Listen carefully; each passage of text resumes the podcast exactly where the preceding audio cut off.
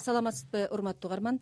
Э, бүгүнкү талкууга жогорку кеңештин депутаты аталган мыйзам долбоорунун авторлорунун бири жанар акаев балдарды коргоо борборунун социалдык кызматкери таалай жакыпов жана адвокат айжан кадырова ош шаарынан телефон аркылуу катышат. Э, биздин студиябызга кош келдиңиздер урматтуу меймандар. Анда алгачкы суроо жанар мырза сизге. Мына жогоруда айтылгандай долбоордун авторунун бири болосуз. Демек аны кабыл алууга өзүңүз дагы кызыктарсыз.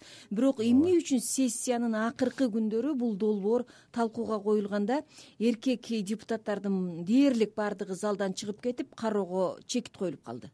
Негизи бул мыйзам долбоору парламентте биринчи окуудан өттү. Бирок биз Э, дароо жанагындай үч окуудан кабыл алууга кызыктар болчубуз да. Э, негизи эле э, тилекке каршы парламентте кээ бир учурда ушундай жагдай түзүлүп калып атат жанагындай социалдык олуттуу маселелер. Бирок жанагы коом ичинде анча популярдуу эмес сыяктуу маселелерди кароого келгенде парламент бир аз кайдыгерлигин көрсөткөн учурлар көбүрөөк болуп атат. Көбүнчө парламентте жанагындай саясий маселелерди популисттик маселелерди жанагы айлык акыны көтөрүү же болбосо ушундай бир Э, ишке ашаары арсар болгон маселелерди көбүрөөк талкуулап калып атабыз. Анан акыркы учурда э, ушул мыйзамды үч окууда кабыл алуу демилгесин депутат аида салянова көтөргөн. Бирок ушул э, күзгө калып калды.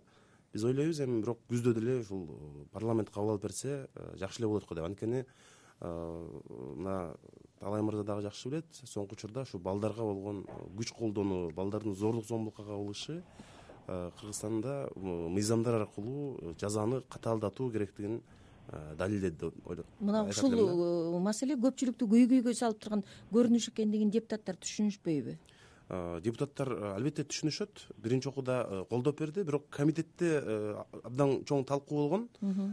Тилекке каршы мен катышпай калгам. Аны негизги демилгечинин бири аида салянова комитетте жактаган. Бирок бир топ кемчиликтерге жол берилгени айтылды Э, мыйзамда эми баягы юридикалык жактан алып караганда. Бирок бул биринчи окууда э, аны экинчи окууга чейин мына күзгүгө э, авторлор сөзсүз түрдө мындай оңдоп түзөп келишет. Бирок депутаттар мисалы сиз айткандай көп мыйзамдарды үч окууда дароо кабыл алган учурлар ооба абдан көп. эле. Өзгөчө соңку мына каникулга тараардын алдында мыйзамдарды мындай жанагындай дүңүнөн дүңүнөн эле кабыл алган учурлар аябай көп болду да. Ратификацияларды ошондой эле жанагы өкмөт өзү шалаакылык кылып көп айдан бери алып келе албай аткан мыйзам долбоорлорун чукул алып келе калып э, ушундай бир э, көрүнүш бар экен негизи. Мына каникулга тарабыз эртең чыгабыз бүрсү күнү каникулга парламент тарайт деген э, чыгат деген учурда ошондой алып келе калып анан мындай өткөрбөй салган учурлары көп экен. Бирок мындай балдарга арналган маселеде өткөндө дагы бир жолу парламент сынга кабылды жана аялдар маселесин талкуулаганда дагы сыртка чыгып кетишти деп эми ушул ушундай бир жагдайлар болуп калды да. Айжан айым саламатсызбы? Саламатчылык. Мына сиз көп жылдан бери зордук көргөн балдардын укугун коргоп жүрөсүз демек кордолгон балдардын психикалык абалы алардын жакындарынын э, балдарга мамилеси жана коомдогу көз караштары жөнүндө абдан жакшы билсеңиз керек. Былтыр эки миң он алтынчы жылдын алты ай ичинде балдарга карата жасалган э, төрт жүздөй кылмыш иши катталса анын отуздан ашыгы сексуалдык мүнөздө болгон экен. А быйыл жарым жылда дагы төрт жүздөн ашык кылмыш катталыптыр анын э, ичинен элүүдөн ашыгы сексуалдык экендиги аныкталган. Демек э, балдарды зордоо азайбай эле кайра көбөйүп жаткандай сезилет да. Буга эмне себеп деген ойдосуз? Анан жогоруда айтылгандай зордукчуларды жазалоонун жумшактыгы негиз берип жатабы же коомдогу кайдыгерлик өбөлгө түзүп жатабы? Мен биринчиден баягы биринчи сурооңузга бул буга эмне себеп экенин мен э, так айта албайм анткени эми ар кандай ар кайсы кылмыш өзүнүн бир немелери болот да өзүнүн бир особенносттори болот. Анан баягы психикалык э, ушундай зомбулукка кабылган балдардын психикалык абалы абдан э, албетте абдан оор. Азыр түшүнбөсө дагы кичинекей баягы жашы жете элек э, убагында түшүнбөсө дагы кийин эми баары бир баягы өсүп чоңойгон сайын коомдун баягы көз караштары өзгөчө бир өзгөчө бир аларга бир внимание баягы кылган сайын ошонун баардыгы таасир этет деп деген ойдомун да. Ал эми азыркы аталган э, долбоор жөнүндө мен менин оюмча мен өзүм эле ошентип ойлоп атам мен анын кандай талкуулгонун билбейм ал жерде депутаттар кандай кылып эмне деп э, кандай эмнеге именно ушундай тыянакка келгенин мен билбейм. Бирок менин оюмча мындай болуш керек да. Э, азыркы жаза кодексинин ичинде он сегизинчи главада жүз отузунчу статья бар жүз отузунчу берене сексуалдык мүнөздөгү зомбулукка э, кабылган баягы адамдар жөнүндө да эми. Анан ошол жерде квалифицирующий белги бар. Именно жашы жете элек балдарга жана кичинекей жашы он төрт жашы он төрткө чыга элек балдарга карата көрсөтүлгөн зомбулукта анда көрсөтүлгөн да менин оюмча депутаттар э, балким ошого таянып баягы жокко чыгарып салганда ал долбоордучу баягы кабыл албай койгон карашпай койгон. Бирок менин оюмча бул долбоор жакшы долбоор.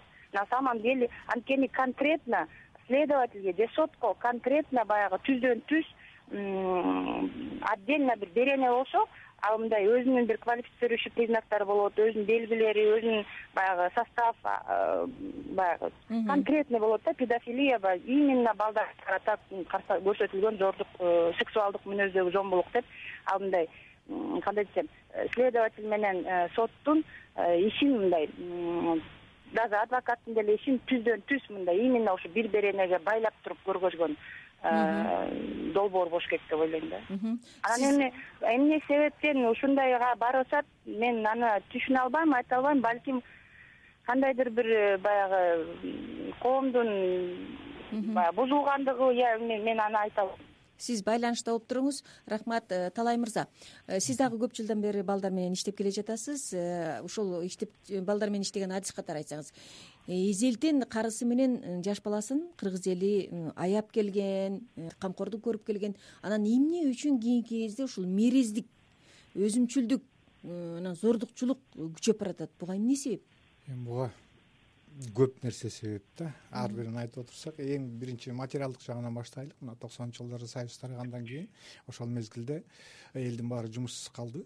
Анан ушунчалык бир турмуштук кыйын кырдаалга кабылып калган учурларда эң эле э, кыйнала тургандар ошол биздин э, кара адамдар анан балдар болот экен да. Болгон ачуусун ааламга болгон дүйнөгө болгон мамлекетке болгон ушагы өкмөткө болгон ичиндеги ачуусунун баарын ошол балдар аркылуу чыгара баштадык да балдар аркылуу анан кары картаңдар аркылуу. Анан оокат таба албагандан кийин эчтеке кыла албагандан кийин эмне кыла баштайт элдин баары базарга чыгып кеткенден кийин эртеден кечке ошол балдардын баары кароосуз калган да. Ошол кездеги токсонунчу жылдагы балдар бүгүн отуз кыркка чыгып калды. Эмнеге ажырашуунун саны көп дегенде мындай карап көрсөңөр ажырашып аткандардын баардыгы ошол отузга чыгып калган токсонунчу жылдардагы жанагы ата энесинин кароосуз жок калган балдар кыздар да кароосуз жок калганда бизде адам ар бир адам ушул эң негизги нерсе аба тамак деп атпайбызбы мындан сырткары дагы могул бири бири менен болгон мамиле чоң орунда турат да. Биз адам болгондон кийин э, адамдар менен мамиле түзүп адамдар менен мээрим көрсөтүп жагымдуу мамиле жасаганды үйрөнө албай атабыз да. Анан ошол мезгилде ушундай мамиледен алыс болуп калган балдардын баары тең эмне кыла баштады мектепке окубай калган балдарыбыз көп болду. Ошол мезгилде чындап эле ички миграция аябагандай күчөгөн. Бишкек шаарынын тегерегинде толтура э, элдердин баары айылдан жумушсуз калып көчүп келе баштады. Анан жанагы ата энелери оокат таба албай эмне болуп калганда стресс ачуусунун баарын депрессиянын баарын балдардан чыгара баштады. Балдар мээрим көргөн жок жагымдуу бир жакшынакай жагдайда бир жашоого ээ болгон жок да. Анан ошол балдар эмне кыла ошол балдар үйлөнгөндөн кийин алар билбейт жөн эле баштан өткөн эмес бул. Жагымдуу мээримдүү мамиле жасоо дегенди. Мерестик ошондон башталды да.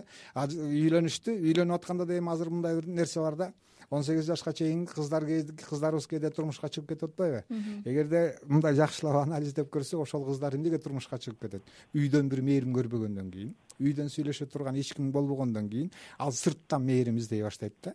Анан сыртта так эле өзүнө окшогон дагы бир жигит турат дагы бир бала. Экөө үйлөндү үйлөнгөндө алар ойлойт мен үйдөн чыгып кетсем эле жашоом өзгөрүп калат үйдөн чыгып башка жака барсам эле бир укмуш бир дүйнөгө келип калчудай болот да. Анан үйдөн чыгып тияка баргандан кийин ошол эле жашоо. Андан дагы күчтүүрөөк болот. Анан ажырашууга туура келип атпайбы. Анан азыркы күндө кээ бир келиндерден сурап калганда биз азыр сексуалдык зордук зомбулук жөнүндө айтабыз мындан башка физикалык эмоционалдык түрлөр көп да. Эми ошолордон бүгүн зордук зомбулук үй бүлөдө да күч болуп аткан учур да. Үй бүлөдө күч болуп аткан учур дегеним жанагы ажырашып кетип балдарын жалгыз калып жалгыз бой калган энелердин көпчүлүгү менен сүйлөшүп келгенде болгон ачуусун жөн эле элементарный өзүнүн жинин ачуусун чыгарганды билбейт.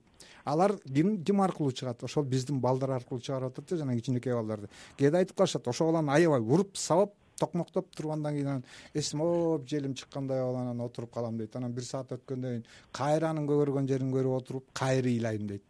То есть круговорот эле момундай кетип баратат да жанагы айлампа катары эле.